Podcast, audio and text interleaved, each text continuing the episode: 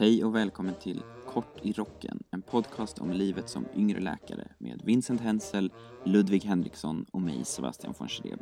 I den här podden pratar vi om populärvetenskap, relationer och ett vardagsliv klätt i vitt. De gånger som det förekommer patienter i historierna har vi bytt ut kön, ålder eller tidspunkt eller blandat ihop flera patienter i en historia för att ingen ska kunna bli identifierad och för att bevara patientsekretessen. Idag eh, tänker jag att vi ska prata om impotens, eller erektil dysfunktion som är det rätta namnet. Eh, men först så tänkte jag att jag vill höra en liten introduktion från er och berätta om eh, vem ni är och vad ni har gjort, vad har ni gjort på arbetet i veckan. Vem ska börja? Du får gärna börja Vincent. Hallå allesammans. Vincent heter jag. Vi sågs ju förra avsnittet. Vad fan har hänt på mitt jobb sistone? Oh, gud, det är så himla mycket rutin numera att jag även typ förhållandevis eh, balla och intressanta grejer går bara förbi som på en form av löpande band. Vi hade ändå en ganska intressant situation förra veckan då jag tvingades jobba kvar i typ en och en halv timme för att det var en Eh, patient som höll på att eh, bokstavligen slå sönder ett av eh, rummen. Oj jävlar. Det låter mm. våldsamt. Det var det minst sagt. Och då fick jag lära mig att det är skillnad på väktare som typ inte får göra någonting förutom att stå och se tuffa ut och ordningsvakter som får stå och se tuffa ut och också eh, göra tuffa saker. Mm -hmm. Jaha, det finns alltså en skillnad mellan väktare och ordningsvakter, det visste jag inte om. Det visste inte jag heller fram till dess. Vad är det som eh, brukar stå utanför krogen? Det är ordningsvakter. Ja, okay. Mm. Det är de i blått. Väktare typ de som ser ut som en så här hybrid mellan en eh, ordningsvakt och en lapplisa typ. Okej, okay, från stojiga södra Sverige upp till lugna Norrland. Vad har hänt upp hos dig Ludvig? Uh, I lugna Norrland har det hänt uh, mycket skulle jag säga. Jag har nu investerat i en lägenhet. Så jag har äntligen hittat en, ett liksom, fast ställe att bo på. Och så har jag ju nu gjort mina, eller min första vecka på, på min tilltänkta SD.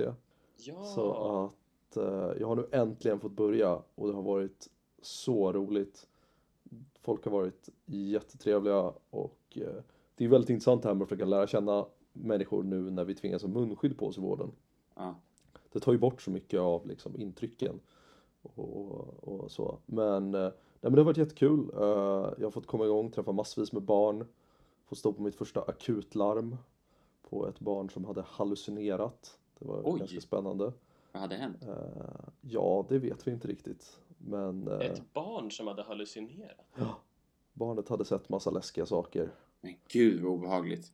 Ja, var det typ en nattskräck och, eller? Nej, ja, vi vet väl inte riktigt vad det var som hade hänt. Men när sånt händer rent generellt så måste man ju alltid tänka att det kan finnas en infektion i hjärnan eller mm. i, i hjärnhinnorna och så. Ah. Så då fick man eh, komma igång med massa sånt och det var fullt ambulanslarm och, och, och, och, hela köret och så fick man du vet stå längst fram i linjen. Men eh, det, det, var väldigt roligt och det gick bra. Och så har jag fått se massa sådana här konstiga udda syndrom och sjukdomar som, som barn som är mycket på sjukhus har en tendens mm. att ha. Uh, och det kan vara rätt uh, ballt uh, som sådant. Nej men det har, varit, det har varit en väldigt bra vecka för mig. Mm. Jag, jag, är på väldigt gott humör. Trevligt. Jag minns det, för du, du, du var du som fick upp mig till Norrland förra sommaren för att jobba på barnkliniken. Det var mitt första underläkarvik.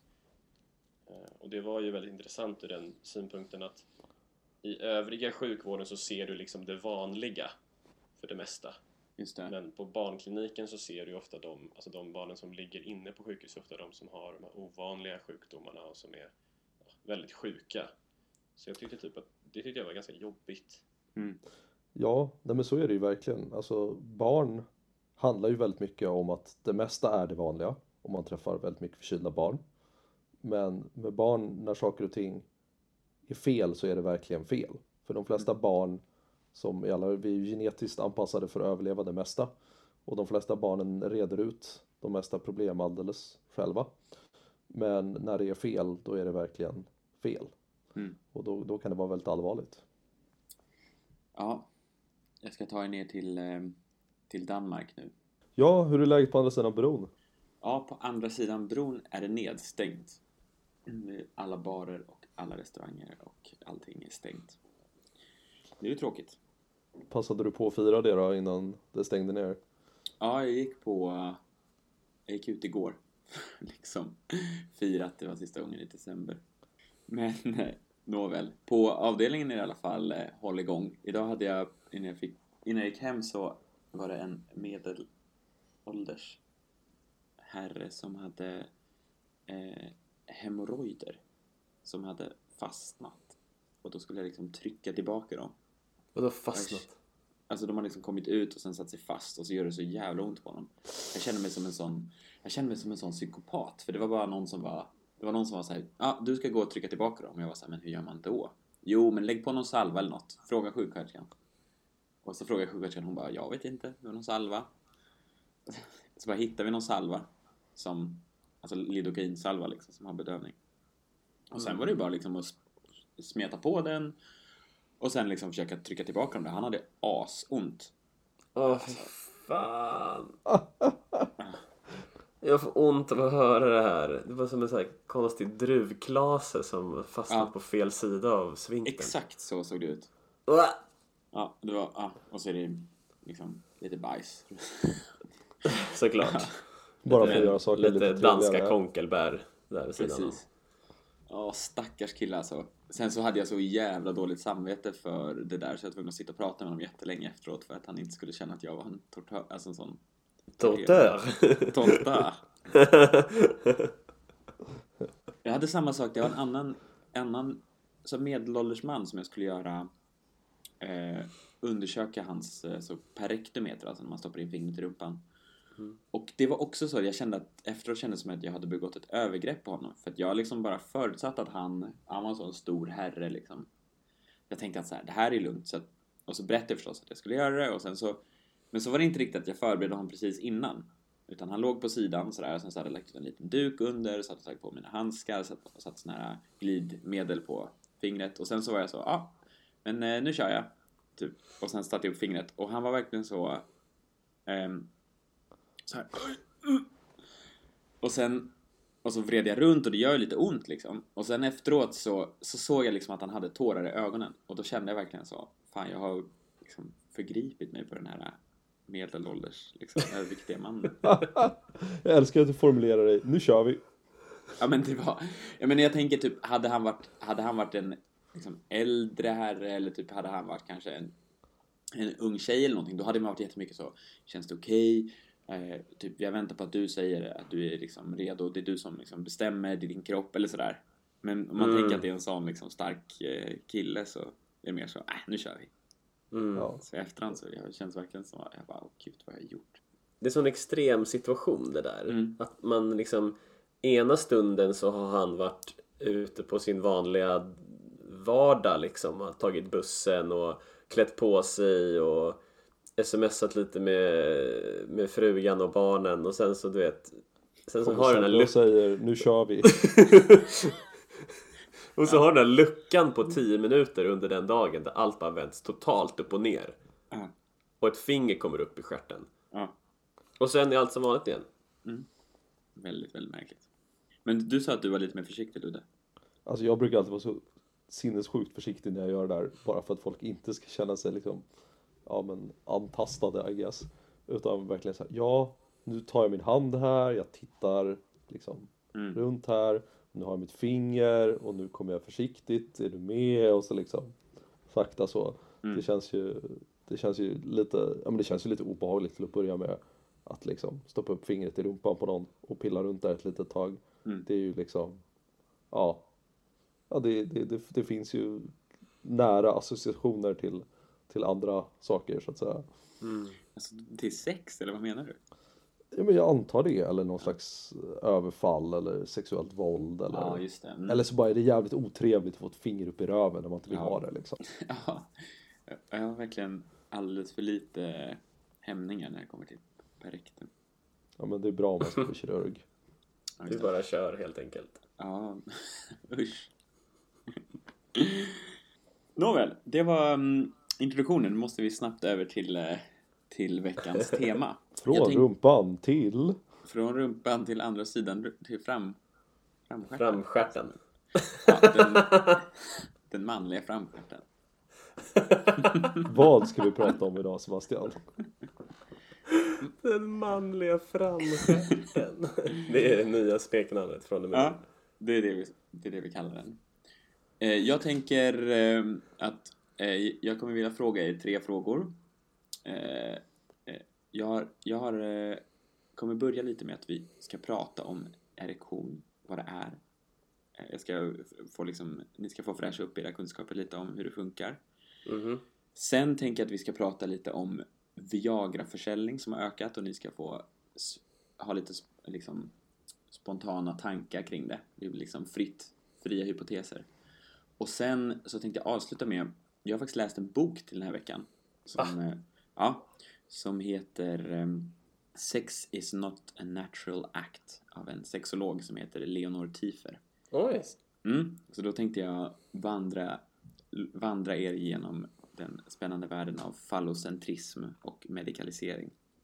Oj oj oj. Mm. Spännande. Nu Mm. kör vi. Ja, men vi drar igång. Ni har båda gått på läkarprogrammet och som del av läkarprogrammet så är att gå igenom eh, hur en penis fungerar. Så jag tänkte, jag ska fråga er hur mycket kommer ni ihåg? Och så kan vi gå igenom lite hur, eh, hur det går till när, när en kuk får stånd. Oj. Jag minns, jag minns som att det finns tre svällkroppar. Helt Eller riktigt. två, två stycken som är av samma typ och sen så en tredje som är av en annan typ. Mm. De har i alla fall olika latinska namn. Jag vet bara att eh, när man tittar på penis i genomskärning Mm. så ser det ut som Kanye West med såna här eh, balla solbriller på sig. Just det. Och det är också, det är ju liksom inte en människopenis där heller. Va? Men den är ju Jo. så himla liten. Det är, klart inte en människopenis. Det är ju en råtta. Okej. Den är ju, den är ju liksom eh, verklig storlek. Alltså för mig som inte är invigd i Kanye Wests solglasögon så får någon gärna förklara. Men eh, jag vet inte, 2011 hade han de här eh, solglajjorna som bara är typ plastbågar med eh, typ en persienn i. Just det. Alltså det är inte glas. Ah. Så att om man googlar då Rat Penis Kanye West då, Då lär man det få upp, ja. upp det. Mm. Ah, såklart att det måste, just det, för en mänsklig penis i genomskärning skulle vara för stor för att se i ett mikroskop. Mm. Alltså hela samtidigt liksom. Precis, man ser ju ändå hela råttpenisen där i. Hela Eller muspenisen. I know mouse dick. Kommer ni ihåg hur en erektion går till? Eller vad är det som händer? Alltså jag satt och funderade på det här, för jag har för mig att det har, det har ju med att du får blodtillförsel till de här svällkropparna. Så du Ja, ökar precis. blodtillförseln så att de svullnar upp. Mm. Och det är det som gör penisen styv. Mm. Men jag kan inte komma ihåg, för jag vill minnas att vi har ju de här två liksom, nervsystemen i kroppen kan man väl kalla det, eller liksom nervfunktionerna. Sympaticus och parasympaticus. Mm. Som är liksom slåss eller vila. Mm. Fight or flight och rest, or, or Mm. rest and digest. Vilken, vilken Men- tror man får stånd då? Jag, den en, I varje fall så här tror jag, att den ena får du stånd av och den andra får du utlösning av. Ja, så vill jag minnas det.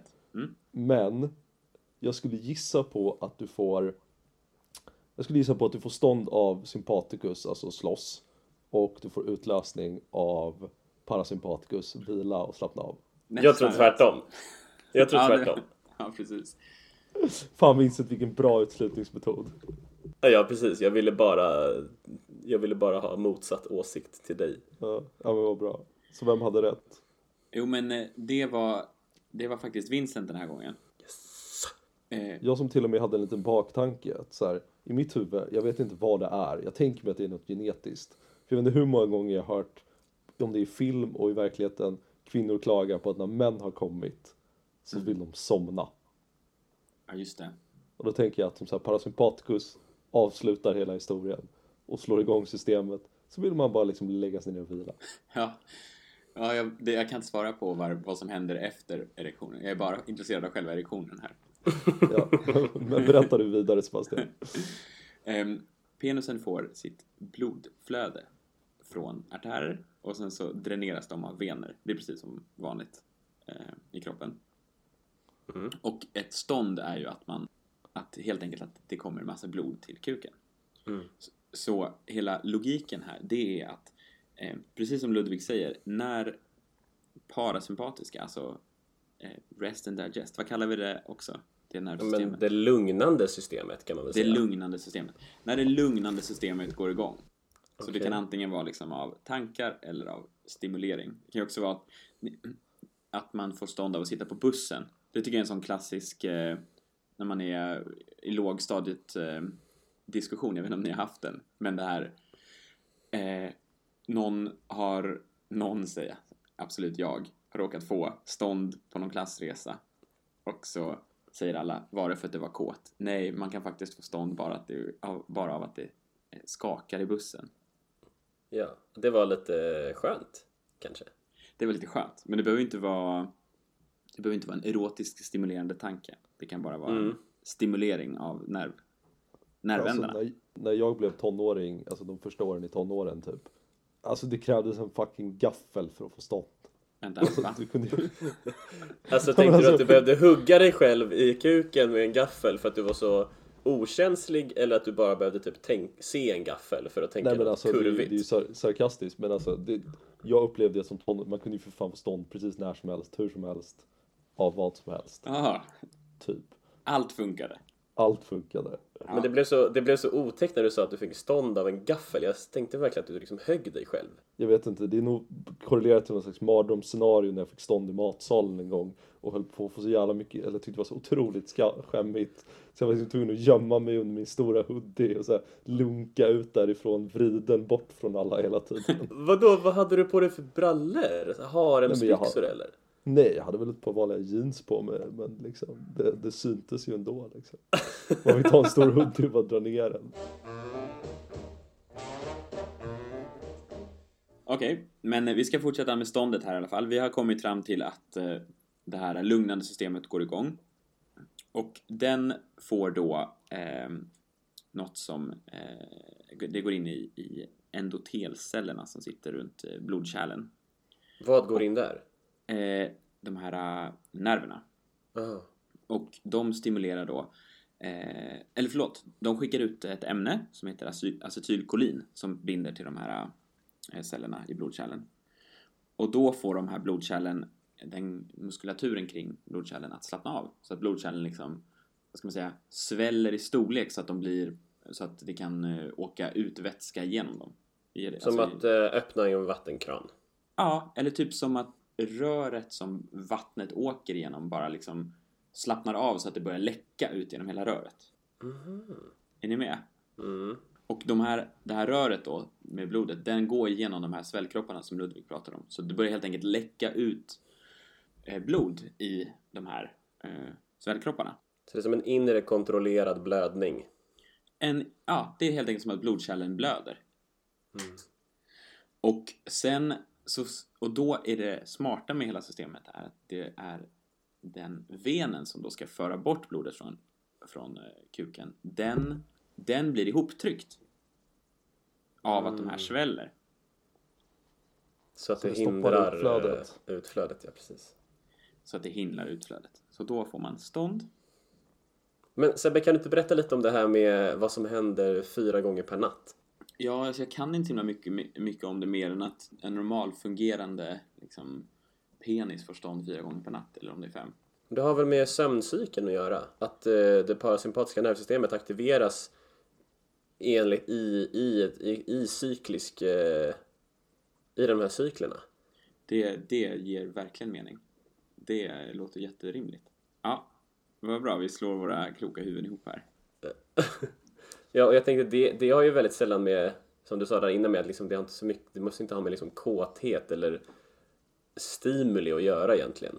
Utan Det är bara så här, okej nu är det här systemet igång och då är en bieffekt att eh, penis blir erigerad.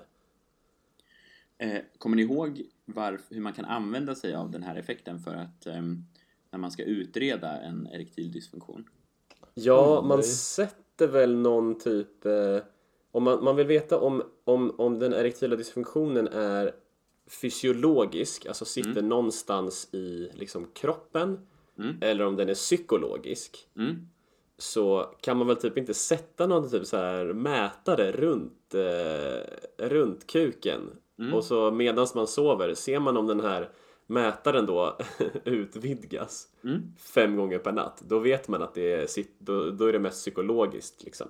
Mm. Men om man inte får stånd medan man sover heller då är det något fel någon annanstans. Helt rätt. Så, så säger urologen då som är an- ansvarig för... Eh, eh, är urologerna bara ansvariga för män eller också kvinnlig liksom, urin? Det är det väl? Men de har flest män.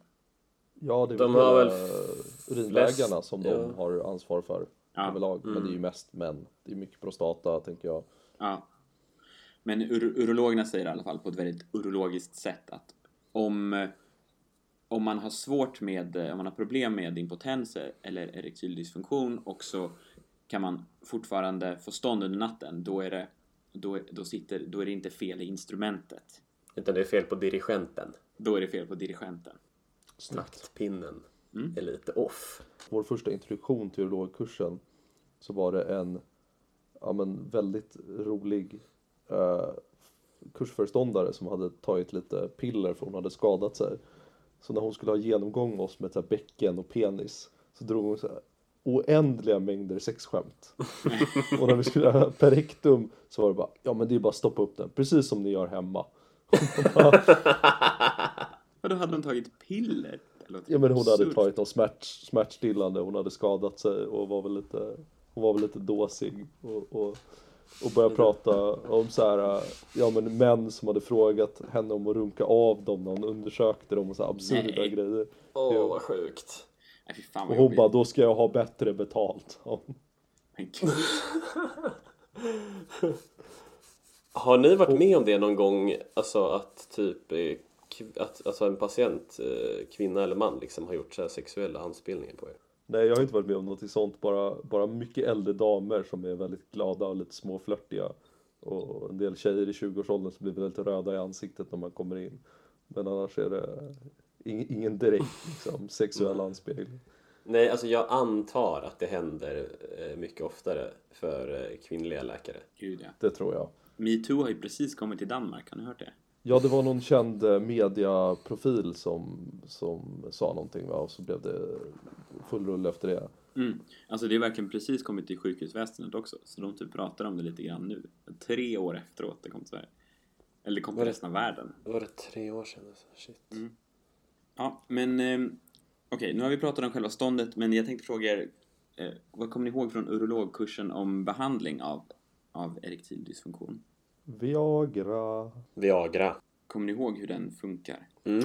Men det var väl en gammal hjärtmedicin från Mm. början. Mm. För att det skulle dilatera kärlen. Mm. Så att det skulle liksom ge ökat blod... Eller tanken var väl att det bara skulle dilatera och sänka blodtrycket eller någonting sånt från början. Vad betyder dilatera? Ja, förlåt mig, vidga sig så att kärlen blir större. Det var det som vi pratade om innan med det här läckande röret. Det är ju det, det dilaterade kärl. Precis. Och jag tror att man bara råkade märka att det fungerade väldigt bra i, i de nedre regionerna. Det var en väldigt lukrativ eh, bieffekt kan man säga för, eh, var det inte Pfizer som eh, Mm. Satan vad de måste ha tjänat pengar på det. And still do. Gud Ja. ja. Även om patentet kanske har gått ut nu. Jag tror att det precis har gjort det.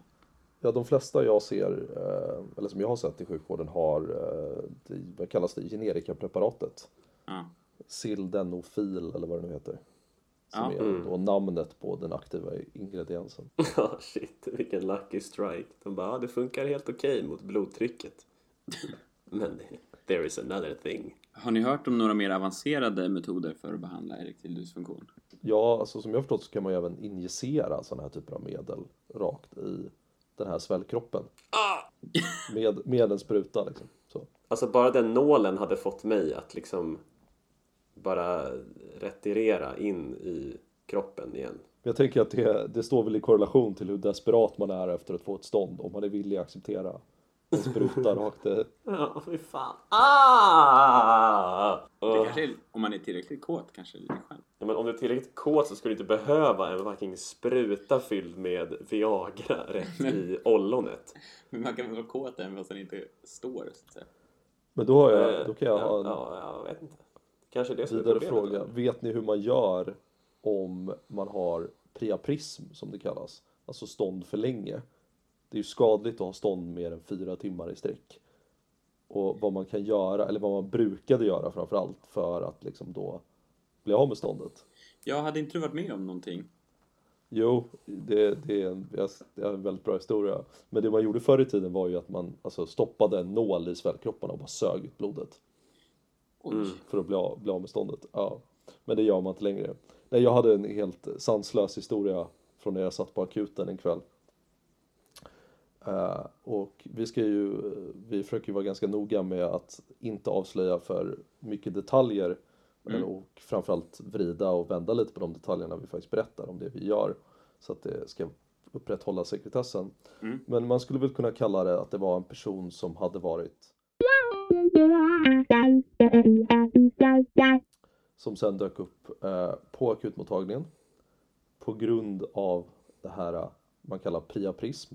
Mm. Och det är alltså att man haft stånd så pass länge att det blir skadligt. Och jag tror gränsen brukar sättas vid fyra timmar. Mm. Den här personen hade då just fått detta för att han hade varit hos urologen och injicerat ett sånt här medel rakt Mm. i svällkroppen i penis. Och in kommer då jag och ser ansiktet på den här mannen. Och det blir väldigt konstigt och sen så kommer vi fram till att han sitter där och eh, det är en stor, ett tält i byxorna. Eh, och det är ju ingenting man har speciellt eh, mycket erfarenhet från unga läkare, eller som ung läkare, det är ju ovanligt till att börja med det här Mm. med, med liksom stånd för länge.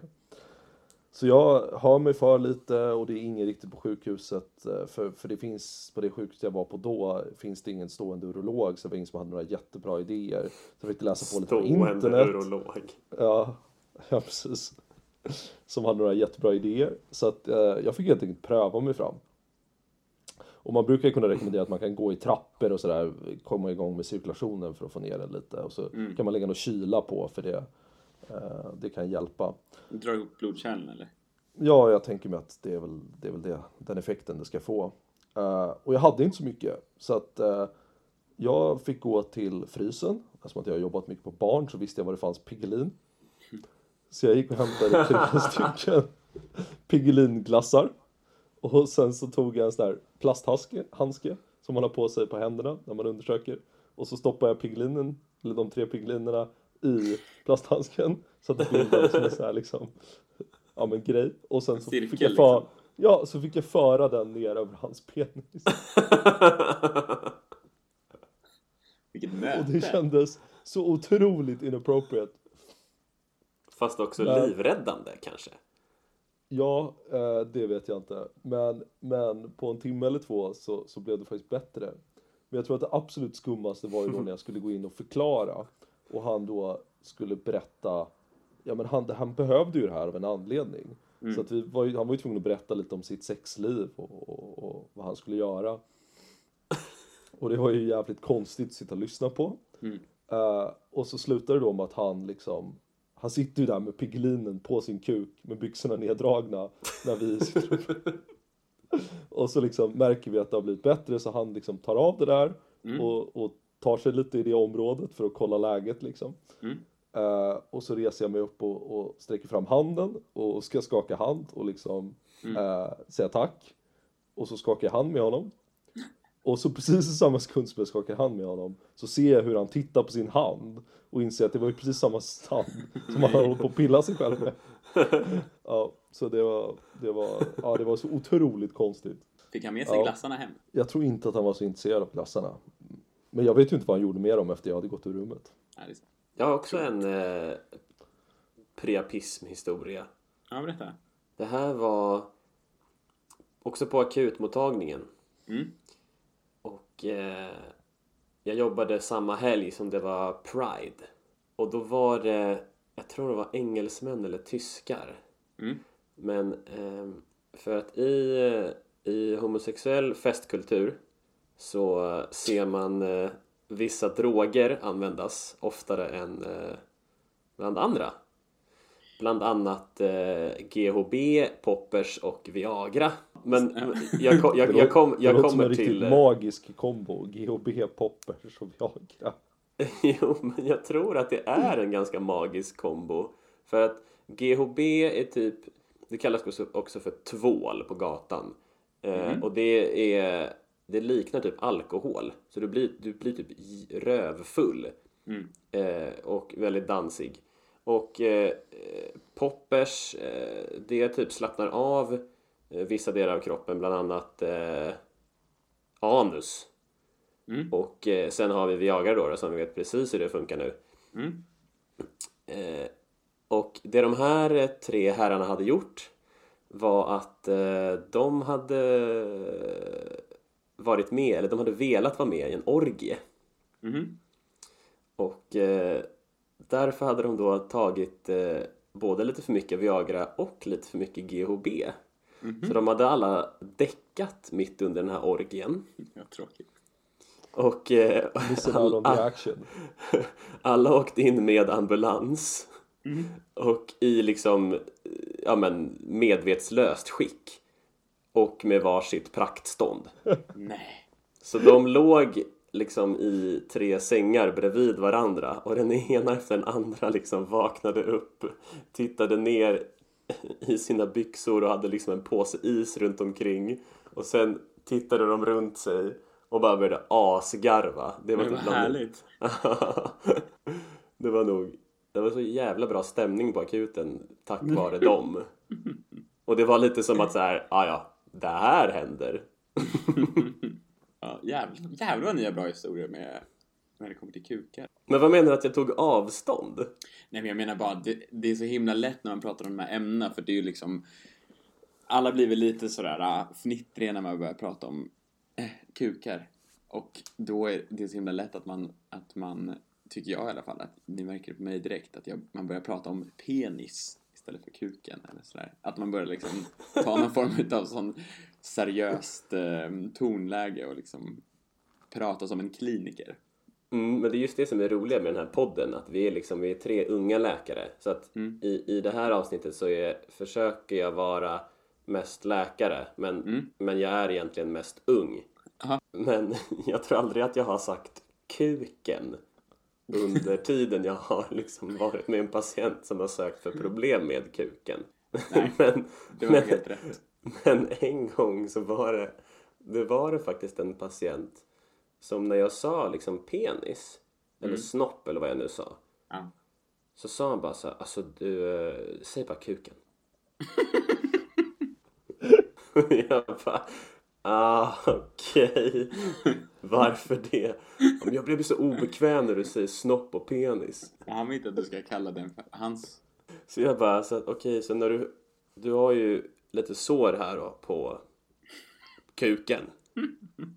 Och det kan vara herpes, kan vara kondylom, kan också vara svamp. Jag hör av mig.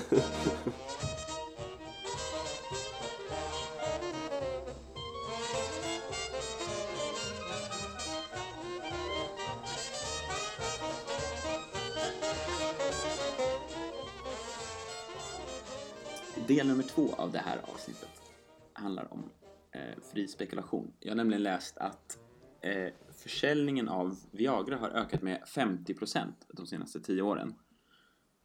Och man har framför allt sett en ökning hos unga män i typ vår ålder.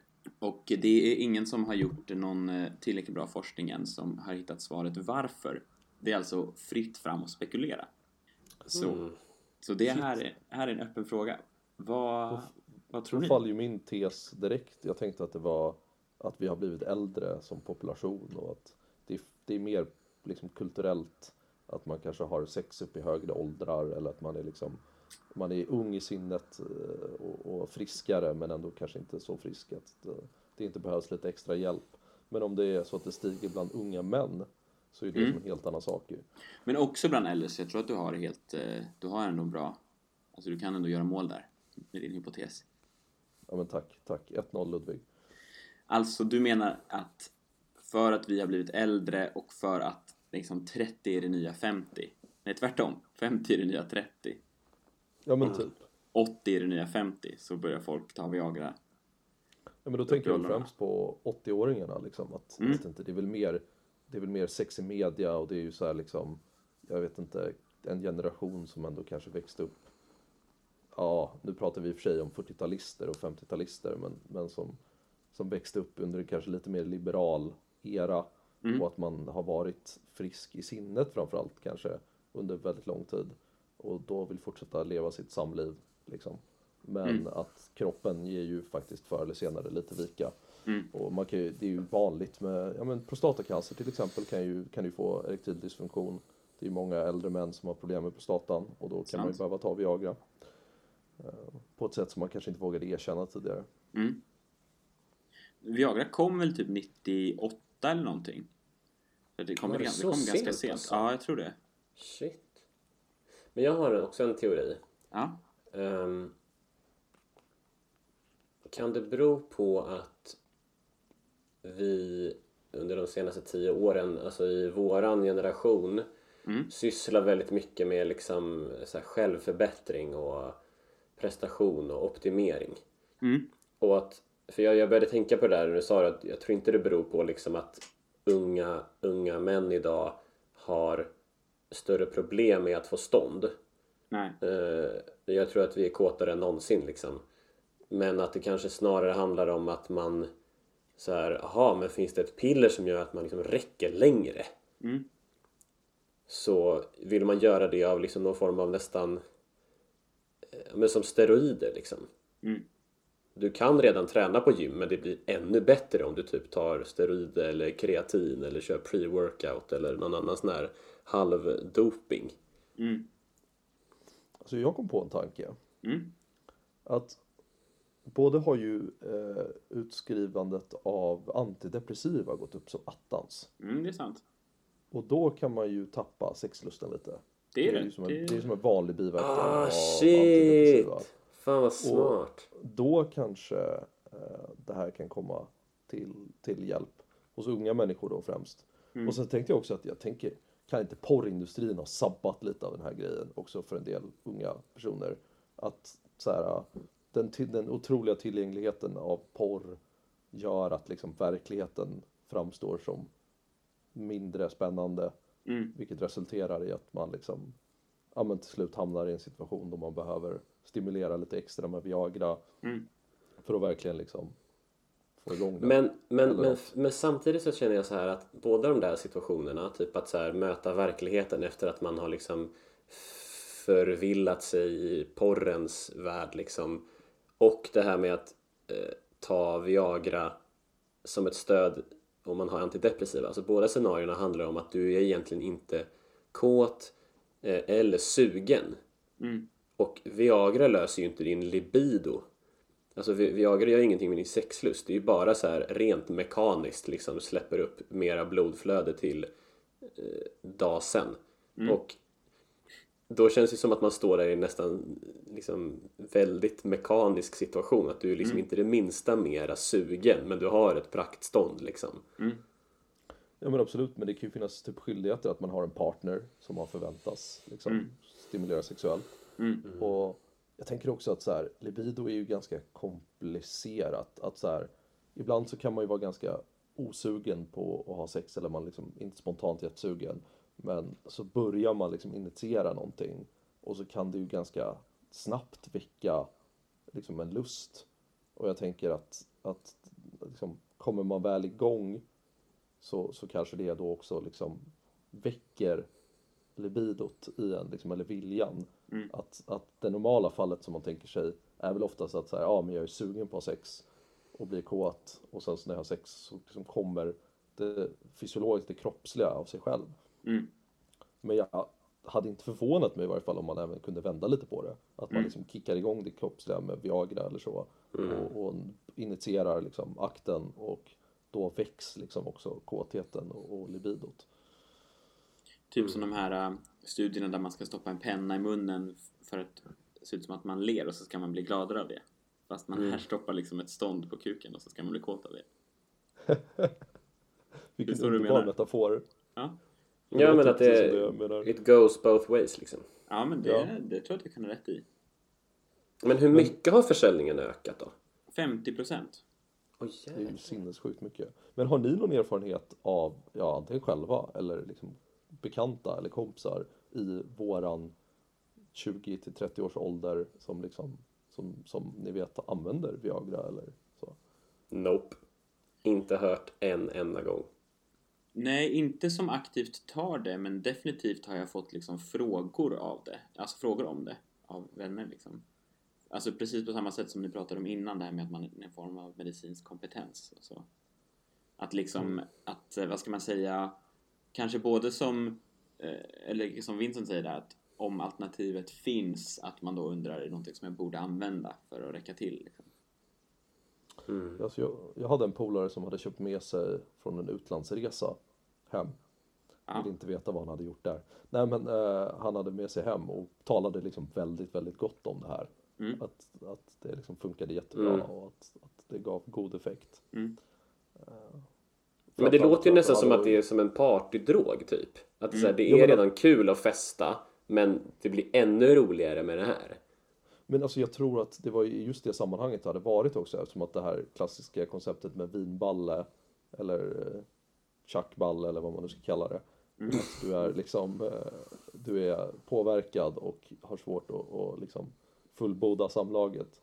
Att det liksom i en sån situation kan du använda Viagra eller så. Det kanske är det som har ökat. Det kanske är drogkonsumtionen som har ökat bland unga. Bara mer fest. Ja, och då behövs mer Viagra. Festandet har ökat med 50%. Det är ju en positiva nyheter. Ja, Mm. Det betyder att folk har kul. det lär väl du ha märkt av i Danmark tänker jag. Inte just nu. Det är så jävla tråkigt. Men vad tror ni händer med Viagra-försäljningen under coronapandemin då? Den lär eh, ju öka. nej, jag tror att den minskar. Alltså jag förväntar mig corona baby boom här om eh, sex månader till. Tänker det var i somras det small. Jag tror att den minskar för jag tror att folk upptäcker sex. Och känner att de inte liksom- behöver eh, den, det pillret längre. Du går Ja. den intima fina vägen. Där Ja. man hittar varandra. Ja. Ja, jag tycker Mm. det är ju tragiskt att läsa alla rapporter om, om, jag vet inte varför jag kommer tänka på det nu, men det här våld i hemmet som har ökat så mycket. Jag tänkte också på det. Jag tänkte det, också på det. Min, min, min, tyvärr så säger min magkänsla motsatsen. Jag tror nog lite mer också på att folk blir mera rastlösa av att eh, vara sysslolösa. Mm. Snarare än att de blir sexuellt som- utforskande liksom. Ja, då är det ju drömmigt för de som kan uh, utagera den rastlösheten i samlag istället för någonting annat. Jag tänker att jag... Eh, jag tycker det var härligt att få dra lite fria hypoteser om det här med... Eh, Ja, har du Viagra. Jag någon? tyckte vi hade många hypoteser. ja, jag tycker ni hade jävligt många. Jag vet inte om det var något mer som jag hade tänkt på också. Eller om ni drog igenom alla typ som jag också hade funderat på. Det är väl, kanske, jag hade kanske funderat lite grann också på så här Tinder och hur liksom kanske en ny syn på sex där eh, sex kanske handlar eh, mycket om eh, att prestera Mm. och att man har så korta förbindelser och då blir det liksom ännu viktigare med, vad ska man säga, det universella. Alltså att man ska göra sex på rätt sätt. Ja, men jag tänker att du spelar ju an lite på Vincents teori tidigare om att liksom, vi ska optimera oss själva och att man ställs inför höga krav om man ska gå hem med någon Tinder-dejt eller så. Att då, då, ska man liksom, då måste man kunna leverera. Det finns Ja. inte utrymme för att ha vinballe eller vara nervös eller någonting utan då ska det bara köras liksom. Ja, ja men precis. Och, och just att, som du säger, att så här, man ska liksom prestera. Att det, om man har korta förbindelser med folk så finns det liksom, det finns inte tid att utarbeta en, ett liksom samspel utan man får bara köra på, det är som att så här, nu ska vi dansa dansen sex och då måste båda kunna ungefär dansstegen som man ska. För att annars funkar det inte. Man, kan liksom inte. man har inte tid att lära sig dansa den på sitt eget sätt ihop typ. Utan man måste, gud vad flummigt att använda dans men ni fattar vad jag menar. Ja men det, Jag tyckte det jag tycker bra det låter som en, jag tycker det låter som en total liksom diss mot förspelet egentligen. Mm. Så att du något på spåret. Jag ska leda er vidare från den här diskussionen in till Leonor Tiefers värld. Oh, berätta mer. Ja, för jag har faktiskt läst en bok inför det här eh, avsnittet. Och den boken heter Sex is not a natural act av den här Leonor Tiefer då, som är en sexolog. Som eh, har jobbat länge eh, med eh, män som har erektil dysfunktion. Och som har skrivit en bok om eh, kanske, vad ska man säga, hennes förklaring på den här frågan. Men eh, egentligen så, den är från slutet på 1900-talet så att det var långt innan. Mm. Det var, den kom typ samtidigt som Viagra. Mm. Men hon pratar i alla fall om någonting. Ni ska få, eh, eh, liksom, jag tänker att ni ska få utreda lite grann om hennes tankar här. Och hon pratar till exempel om någonting, hon är väldigt skämtsam i boken, men hon pratar om någonting som heter fallocentrism. Mm. Kan ni gissa vad, vad det handlar om? Men det är väl som egocentrism fast på kuken. Som att, jag vet Jag att tänker man... också att det har med något eh, eget självideal som fallerar eller någonting sånt. Fallos är ju kuk. Ja, Så fallocentrism kanske har att göra med att man som impotent man lägger, alltså identifierar sig för, för mycket med sitt stånd typ. Mm. Ser det som källan till, ens, till sin förmåga eller sin manlighet och så vidare. mm. Eller är det bara så enkelt att sexet har handlat alldeles för mycket om centrerat runt den manliga upplevelsen och kuken? Mm. Ni är helt rätt på det. Eh, hon definierar fallocentrism som eh, the preoccupying interest and focus on the penis and phallus in sexual discourse. Alltså att man likställer diskussionen om bra sex med diskussionen om en bra kuk. Fan vad jag vill läsa den här boken. Mm. Den är skitspännande. Och eh, Och det är typ en thriller. nej, den är inte skitspännande på det sättet. Vi hade behövt lite kvinnlig input på den här diskussionen tror jag. Ja, men hon är ju då den kvinnliga inputen här då. Eller kanske, vad ska man säga, den, eh, den akademiska, någon som har tänkt jävligt, jävligt länge på det här. Eh. Utan att vara fallocentrisk. För att hon har inte själv en kuk. Precis, någon som inte är fallocentrisk. Jag tror att fallocentrisk egentligen typ har att göra med så här feministisk kritik av Freud, som är extremt fallocentrisk. Ja, just det. Ja, Freud har mycket lustiga tankar för sig, alltså det här med, med penisfasen och, och analfasen och vad det nu är. Sjukt att vi fortfarande liksom... Ja. Anyway, förlåt. Vad skulle du säga Sebbe? Mm, vi ska vidare in i den här boken. Och eh, idén, Leonard Tiefers idéer om eh, erektil dysfunktion. I den här boken så pratar de om det som heter phallocentrism, som vi precis pratade om. Och så pratar de om någonting som kallas som medicalization. Och eh, vad, kan ni gissa vad medicalization betyder? I det här sammanhanget så... För du sa att hon skrev det här och tänkte på det här innan Viagra liksom. Mm. Men det kanske ändå ja, betyder att eh, man var på jakt efter ett liksom fix. Mm. Att man tänkte liksom att så här, man kanske misstänkte att eh, ja, men det är psykologiskt i nio fall av tio. Men vi ska nog ändå försöka knäcka den nöten och ge, hitta något piller. Mm. Jag tänker att det kanske spelar an på, på den diskussionen vi hade tidigare med att det, det, det blir som ett kliniskt språk om det. Att man försöker göra det till kanske någonting som ska representera ett känsloliv till en medicinsk vetenskap. Mm. Att, att det, det, det ska återspeglas i dittan och dattans kärl och den här och den här sjukdomen eller det här och det här problemet som, som orsakar det så att det liksom går att akademisera eller vad man ska säga eh, mer än att reflektera liksom, kåthet och känslor. Mm. Alltså ni är helt rätt på det igen. Eh, medikalisering är någonting som hon har snott från en annan tänkare som heter Foucault som har pratat om att eh, innan så var det liksom präster som var de stora auktoriteterna på vad som var rätt och fel i, i vardagslivet. Men i och med att kyrkan har liksom brutits ner som, som auktoritet så har medicinen och läkarna tagit över och då det som hon kallar för medikalisering det är helt enkelt att när man gör medicin om någonting som tidigare sågs, ansågs vara utanför medicinsk eh, område. Och då har hon några exempel. Eh, eh, som vanliga exempel är stöld, eh, alltså brott, alltså folk som begår brott, folk som handlar på ett sätt som vi tycker är omoraliskt. Innan så kunde man liksom då säga Gud kommer straffa dig. Men eftersom ingen bryr sig om det längre så idag så säger man du är sjuk. Alltså du menar personlighetsstörningar typ? Ja, men personlighetsstörningar är ett exempel på vad man kallar för medikalisering då. Att någonting som tidigare inte, hade, inte sågs som har att göra med medicin är idag någonting som vi har definitioner på i våra psykiatriska böcker till exempel. Mm.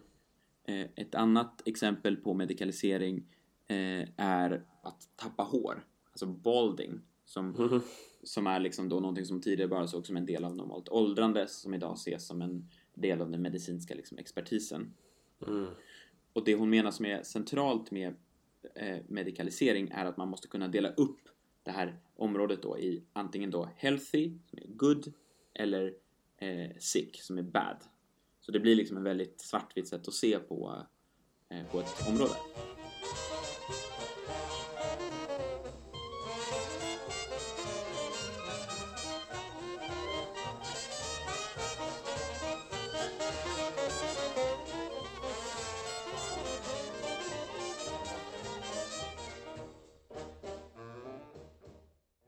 Och eh, då kommer vi in på impotens eh, och medikaliseringen av eh, sexualitet, kanske manlig sexualitet.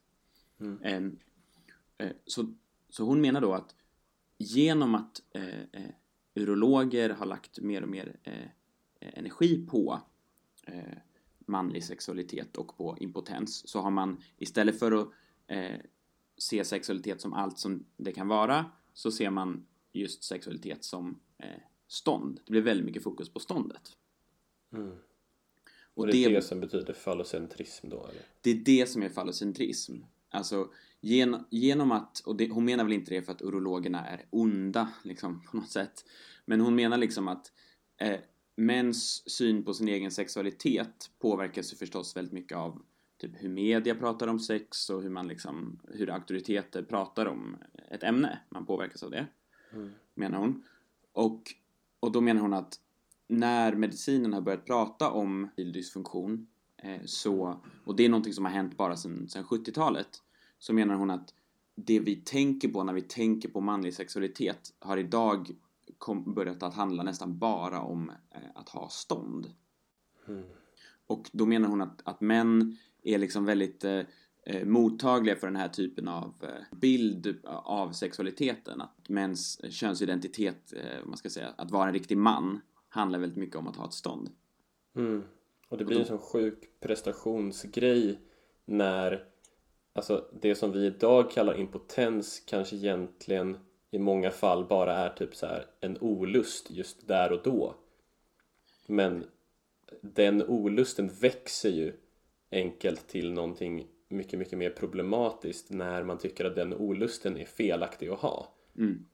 Alltså att man är där i, i, i sovrummet eller var man nu väljer att ha sex någonstans och kanske känner att ah fan just nu tänker jag typ mycket mer på vad jag och du ska äta till middag sen och jag är typ inte ett dugg kåt. Mm. Men så kanske man vill göra det av någon form av prestationsidé eller eh, ja, vad man nu har för motivering om man nu inte är kåt då. Mm. Och istället för att bara liksom acceptera det, bara, nej just idag så kommer den inte stå upp Mm. så, så blandar man in väldigt kanske mycket skam och eh, skuldkänslor kring att eh, oj då, nej jag är visst ingen man om jag inte kan ha stånd hundra av hundra gånger liksom. Mm. Mm. Ja men precis. Alltså, och ett bra exempel i sig som hon tar upp är just ordet impotens. Som, det är liksom någon som, de som har, någon som forskat på det och sett hur ordet impotens i och med att det började komma massa urologiska behandlingar för, för då eh, att inte ha stånd så börjar man använda ordet impotens väldigt mycket mer och det ordet det kommer egentligen inte från just erektil dysfunktion utan ordet impotens är ett äldre ord som har att göra bara med alltså oförmåga alltså att man är att man inte är att, att inte klara av att inte vara man nog Mm. ja men typ som inkompetent fast Ja men precis, Ja, det, det är fast- exakt det jag tänkte på. Ja fast man inte har själva man har inte anden liksom Ah. Och, ja, men, och det gör ju liksom också att Alltså självklart så är det ju jättemånga som, eh, som kämpar med, eh, med det här men att genom att sätta så mycket fokus på just kuken, att kuken ska stå, så blir det att man gör ett problem som för kanske, eh, för, eller för, för alla män kan man säga, händer någon gång ibland, som man kanske inte ens tänker så mycket över, som man annars kanske inte tänkt så mycket över alls. Och för många, och för vissa händer eh, liksom eh, hälften av alla gånger och för andra händer varje gång. Så blir det ett problem som egentligen bara skulle kunna vara liksom avgränsat till den liksom, situationen där och då. Eh, Mm. blir någonting som, som tar över väldigt mycket liksom, istället för bara att säga så ah, men min kuk blir inte hård ibland. Typ som att, jag vet inte... eh, Ibland somnar min fot. Ja men precis liksom. Eh, så blir det att så här, ja, men min, min, min kuk blir inte hård ibland, det betyder att jag kan inte prestera i sängen, alltså att jag är liksom en dålig älskare och en, liksom, det betyder att jag är otillräcklig som man. Och så typ hon intervjuar då liksom, kvinnor och män eh, som, eller alltså par som kommer till den här eh, kliniken för att mannen har haft eh, problem med att få stånd. Och då menar hon liksom hon, att, många, att många män som man hade intervjuat sa typ så jag är orolig för att min fru ska vilja skiljas för att jag kan liksom inte tillfredsställa henne i sängen. Mm. Och det kan man ju liksom förstå tycker jag, både hur man liksom pratar kring impotens och typ jag har hört vänner och sådär, att det här kan liksom bli en väldigt stor del av ens, eh, av ens, av vad man tänker på. Så man kan ändå förstå att trots att det kanske låter lite överdrivet att, att ens kvinna skulle lämna en liksom för det, så är det folk som är oroliga för det. Mm. Och så menar hon att, för hon har också intervjuat då kvinnorna, hon intervjuar både männen och kvinnorna, alltså både tillsammans och separat. Eh, hon har liksom träffat 1600 eh, par. Eh, och hon menar, eh, många av kvinnorna som intervjuade, när hon berättade det här med att, att mannen har varit orolig för att, för att relationen ska hålla, så är det många, hon beskriver det som att många har, har både blivit överraskade och i många fall så förnärmade över hur fan kan du tro att liksom vår relation hänger på att den där dasen Din står upp liksom. liksom. Ja. Alltså en sak, alltså liksom en sak om du inte kan visa eh, liksom intimitet eller att, du liksom inte, att vi inte har någon form av fysisk kontakt som visar att vi tycker om varandra. Alltså där kan man liksom, Mm. men, att, men vad fan, alltså den där jävla, att den där jävla kuken ska stå, att det är det som håller liksom relationen på plats. Att folk kan till och med bli upprörda över den tanken. För det låter så absurt liksom för någon som inte är så inne i och upptagen av den här fallocentriska idén om sex. Vad alla skulle behöva höra det på typ mellanstadiet när man har sin sexualkunskap. Mm. Att den här studien gjordes och så frågade man kvinnorna om de här oron stämde och de sa bara Vad fan tänker du med? Mm.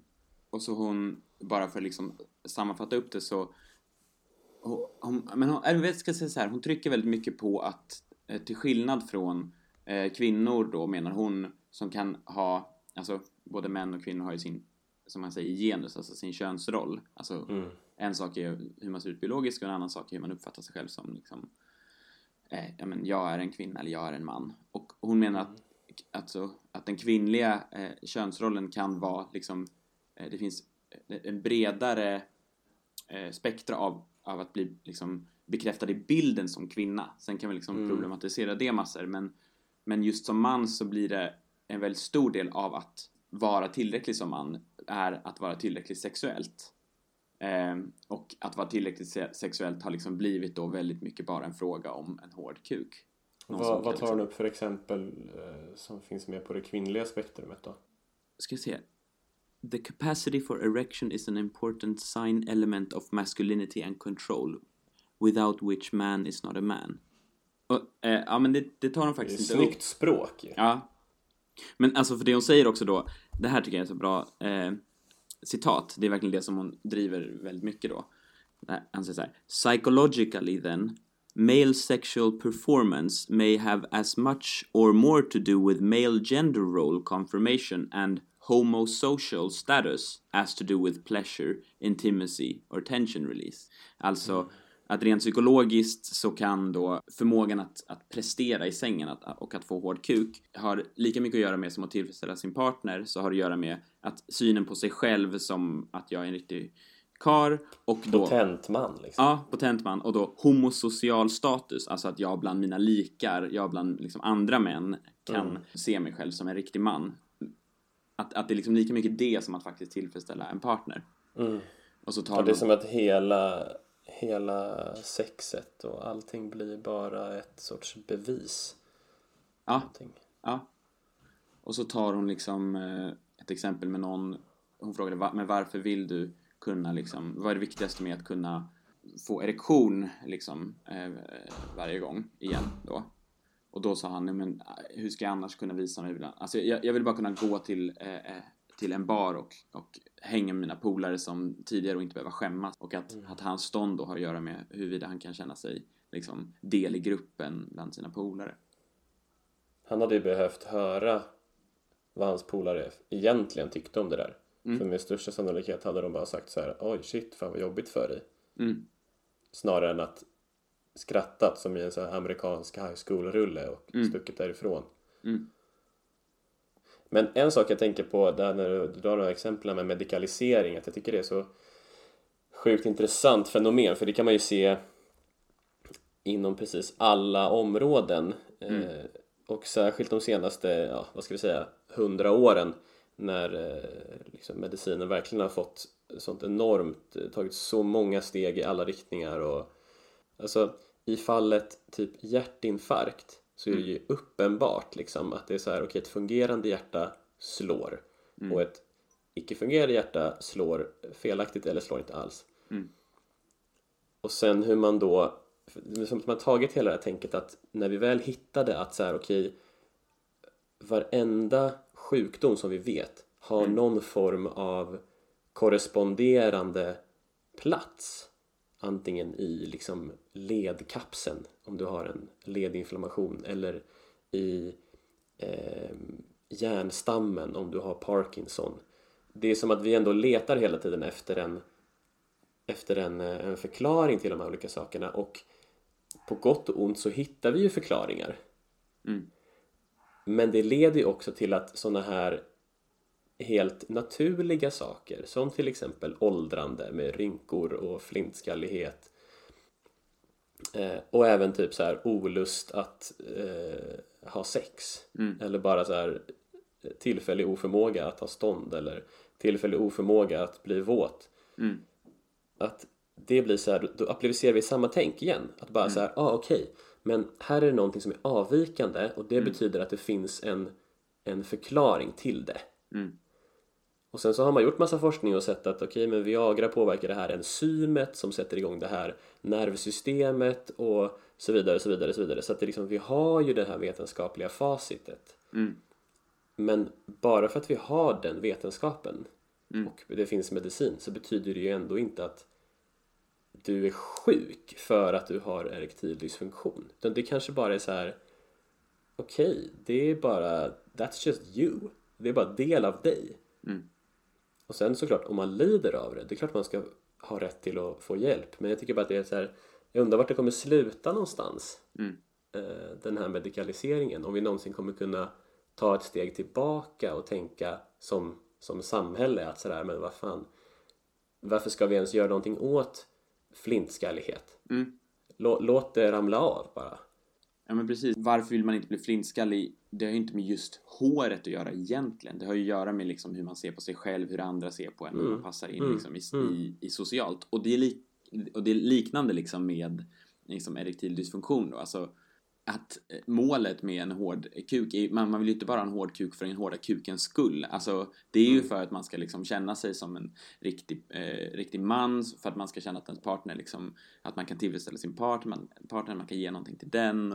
Alltså det finns ju liksom, ehm, det, det, det, målet är ju inte själva kuken, men, men då eh, genom medicinen så blir det som att vi för allt fokus på kuken. Det som går, ja, vi, för allt fokus på det som går att åtgärda. Det är bara Exakt. såhär, oh, shit vi hittade ett piller som funkar mot exakt det där.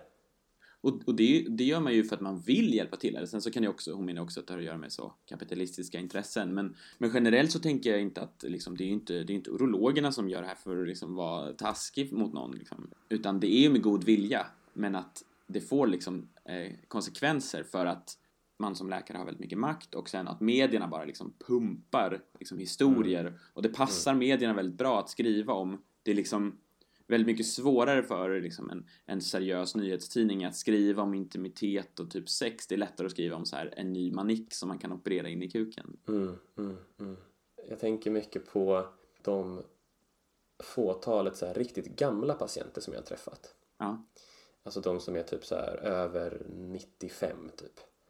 Och någonting som slår mig när jag träffar dem det är typ att de jag vet inte om det är för att de är så gamla att liksom mycket oro bara har så här åldrats bort eller om de bara är uppvuxna i en, i en annan tid liksom där de tog mindre för givet. Mm. Men hur de typ oavsett vilka sjukdomstillstånd de har Mm. även om det är typ KOL som de har rökt sig till eller en, eh, ett amputerat ben för att de har haft diabetes och sådär. Det är som att de, de beskyller inte sig själva eller någon annan för att det har hänt. Mm. Och det känner jag är typ lite motsatsen till medikalisering. Mm. För jag menar, på, på, om vi på ena änden av spektrumet har någon form av liksom cyber-robot eh, som där allting är optimerat och eh, enhanced liksom Mm. med AI och robotdelar och nanorobotar och så vidare. Så på andra delen av spektrumet så har vi typ någon som bara lever loppan och dör av en hjärtinfarkt Mm. när de är typ så här 45 Mm. och ser till och med det som naturligt. Mm. Att säga, ja, mitt hjärta stannade och då var det väl det som skulle hända. Ja, men det finns ju ändå någonting i det där som är, jag tänker typ i gamla dagar liksom, alltså, det är klart, man, man kan ju absolut inte förespråka att man skulle vilja gå tillbaka i tiden, men det finns ändå bara någonting i själva, i, i kulturen, tänker jag, uppfattar jag det som, att så här, det kunde vara så här, ja men om Agda liksom typ, ehm, jag vet inte, hade polio typ eller så här, och, och var förlamad på benen och satt i rullstol eller någonting, eller om vet, någon var blind på ena ögat, så, så tror jag inte att det var lika mycket att om det är liksom, ja men Karl i byn, han är blind på ena ögat, så är det inte att man liksom lika mycket går runt och tänker, där är Karl och Karl är sjuk, utan snarare, där, där är Karl, så, sån är han bara. Som att vissa har bruna ögon, vissa har eh, liksom gröna ögon, vissa har ett öga, vissa har två. Ja, Alltså- exakt, exakt. och, och det är ju förstås bättre att alla får ha två ögon, men det finns ju ändå någonting i kulturen som försvinner. Mm. Om man blir liksom så, alla ska vara, eh, passa in i liksom någon eh, idealbild liksom. Mm. Och att det också får väldigt mycket, alltså den, alla den, den idealiserande kulturen har ju stora effekter på vad vi väljer att forska på. Alltså det finns ju en anledning till varför eh, Viagra fortfarande säljs liksom och det är för att det är populärt. Mm, det och varför är, det, varför är det populärt? Jo, för att tillräckligt många går runt med den självbilden, alltså män, Mm. går, går runt med den självbilden att eh, deras sexuella identitet och deras manlighet sitter i hur, hur hårda de kan bli. Mm. Bland Ja, annat. men precis. liksom. Ja, men precis. Och att man behöver liksom inte... Alltså, självklart skulle inte all... Alltså, självklart skulle Viagra säljas ändå om Mm. en hård kuk bara såg som ungefär, du vet, typ en sån, man har, om man fått liksom en, eh, vad kallas det, runners leg, alltså när man har fått, eh, man inte kan jogga för att man har fått eh, Ja, alltså löparknä. löparknä, precis. Om, om, om liksom impotens skulle se ut, skulle vara som ett löparknä, skulle vara helt Mm. ostigmatiserat, då skulle liksom extremt många färre, eller eh, extremt mycket färre orka liksom försöka göra någonting åt det. Eller så, för Mm. det skulle inte vara så viktigt. Nej. Men det, Och hade man lagt mindre vikt vid det så tror jag också att det paradoxalt nog hade lett till mer stånd. Ja, men det, det är det som är det sjuka, att det, en del av erektil dysfunktion är ju prestationsångest som liksom skapas av det här. Mm, mm. Det här borde inte hända, tänker man. Och då blir det ju bara värre. Precis, För att ångest och kåthet går inte riktigt ihop. precis. Ja. Ja, men eh, så för att sammanfatta i alla fall så menar hon att eh, eh, genom att vi lägger mer fokus på kuken så skapar vi en fallisk idé om manlig sexualitet och det här späder på bilden av att eh, en hård kuk är det som räknas eh, för att vara en riktig man och därför så ökar det manlig, eh, eller osäkerheten och eh, gör det ännu svårare att få en hård penis. Och hon menar då att lösningen på det här problemet förstås, alltså hon är ju sexolog och hon är Ja, vad, får vi en lösning också? Ja, men jag tycker det, det kopplar liksom bra tillbaka till din lilla erfarenhet där med eh, din, eh, eh, din session där. Hon säger Having a better sex life is in large measure dependent upon your willingness to examine how the male sexual mythology has trapped you. Alltså, eh, att ha bättre sex handlar mycket om att undersöka hur myten om den manliga sexualiteten har fångat dig. Mm. Shit. Jag tycker det är fint. Ja, jag tycker det är banbrytande. ja, Så det är bara ut och börja utforska helt enkelt. Och kanske typ sluta prioritera könet så jävla mycket. Ja, alltså det är synd, jag har inte så många patienter själv som eh, kommer med de här problemen. Men, eh, Nej, inte jag heller. men sen tror jag i och för sig också... Och Det är sådär frågar jag inte heller. Nej men precis, nu när jag sa det kom jag också på att vi ändå blivit lärda på läkarprogrammet att på kirurgisk avdelning så är det väldigt många som får problem med sexualiteten när man får stomipåsar på magen till exempel. Där det kommer bajs liksom, ut i en påse på magen. Jag har faktiskt inte jag kanske ska börja fråga folk, mina patienter om det här. Ja, men gör det. Till nästa avsnitt. Ja, hur, eh, hur gör man det på danska då? Och hvordan är det med ditt sex så? Hvordan är det med din potens? Ja, hvordan går det med, med piggen?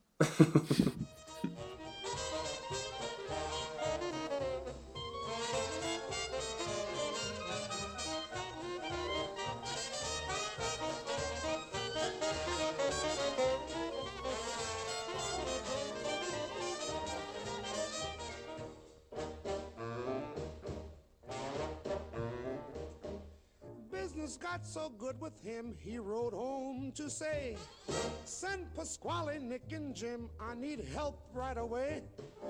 When he got them in the store, there was fun, you bet. Someone asked for bananas, and then the whole quartet. Oh, yes, we have no bananas We have no bananas today. And the carrots and celery and olives. But we got no bananas today. Who asked you for bananas anyway? Who asked you? I only want a hot dog sandwich. Hot dogs are better than bananas. I always say, ain't it? Oh, yes. We have no bananas. We have no bananas.